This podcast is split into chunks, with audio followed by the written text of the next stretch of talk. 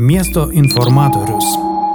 Manoma, kad nuo 93 iki 2033 iš Europos kaimo vietovių išvyks apie 30 milijonų žmonių. Tai bendras Rumunijos, Bulgarijos ir Lietuvos gyventojų skaičius. ES anglaudos fondai skirti tam, kad vietovės netuštėtų. Lietuva taip pat šiek tiek pakeitė savo anglaudos politiką ir smarkiau vystyti planuoja nebe 5, o 10 miestų apskričių centrų, tarp kurių yra Lytus ankstesnėme finansavimo periode likęs už penkių didžiųjų borto. Praėjusio periodo 2014-2020 metų sanglaudos pinigų naudojimas Lietuvoje vyksta gerai, sako eurokomisarė Eliza Ferreira. Lietuva tarp geriausiai naudojančiųjų fondus. Naujajam periode gauta per 6 milijardus.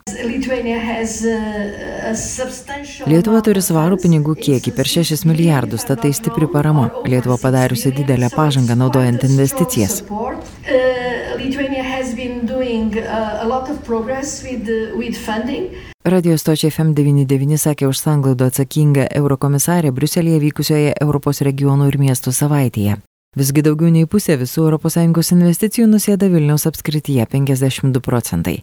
Alitaus apskritis viena prašiausiųjų, čia tenka 3 procentai investicijų, kaip ir Marijampolės, Utenos bei Telšio apskritims. Regioniai netolygumai, kuriems išlyginti ir skirtas anglaudos politika išlieka dideli. Vilniuje vienam žmogui tenka 133 procentai BVP ES vidurkio 21 metų duomenimis, kai tuo tarpu Alitaus apskrityje apie 50 procentų vidurkio. Bendrais anglaudos pinigai Lietuvai mažėja augant pragyvenimo lygį lygiui, jie keliauja į mažiau išsivyščiusius ES regionus. Praėjusiame periode iki 20 metų Lietuvai buvo skirta per 7 milijardus eurų, naujajame 6 milijardai 195 milijonai eurų. Vis dėlto Lietuva išlieka viena daugiausiai gaunančių sanglaudos paramos vienam gyventojui. Iki 27 metų pagal šį rodiklį mes penkti ES, tai sudaro 314 eurų vienam žmogui per metus. Daugiausiai gauna Estai, šiek tiek daugiau nei Lietuva, mažiausiai Luksemburgas 10 eurų vienam žmogui per metus. Lietuva daug dėmesio skiria penktajam sanglaudos prioritetui piliečiams artimesnė Europa,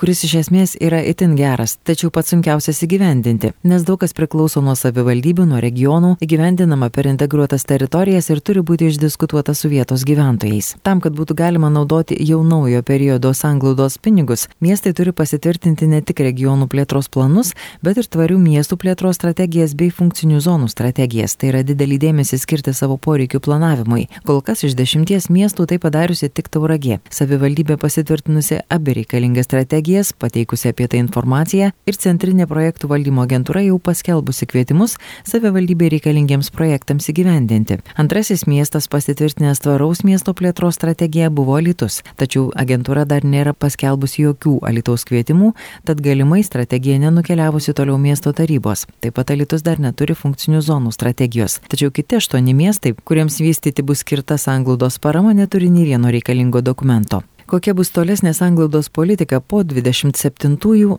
ir tada, kai ES gali vėl išaukti, kai Ukraina ir Moldova gali būti ES narėmis, sanglaudos komisarė Eliza Ferreira nesėmė spręsti, sakė verčiau susitelkime į tinkamą lėšų panaudojimą dabar.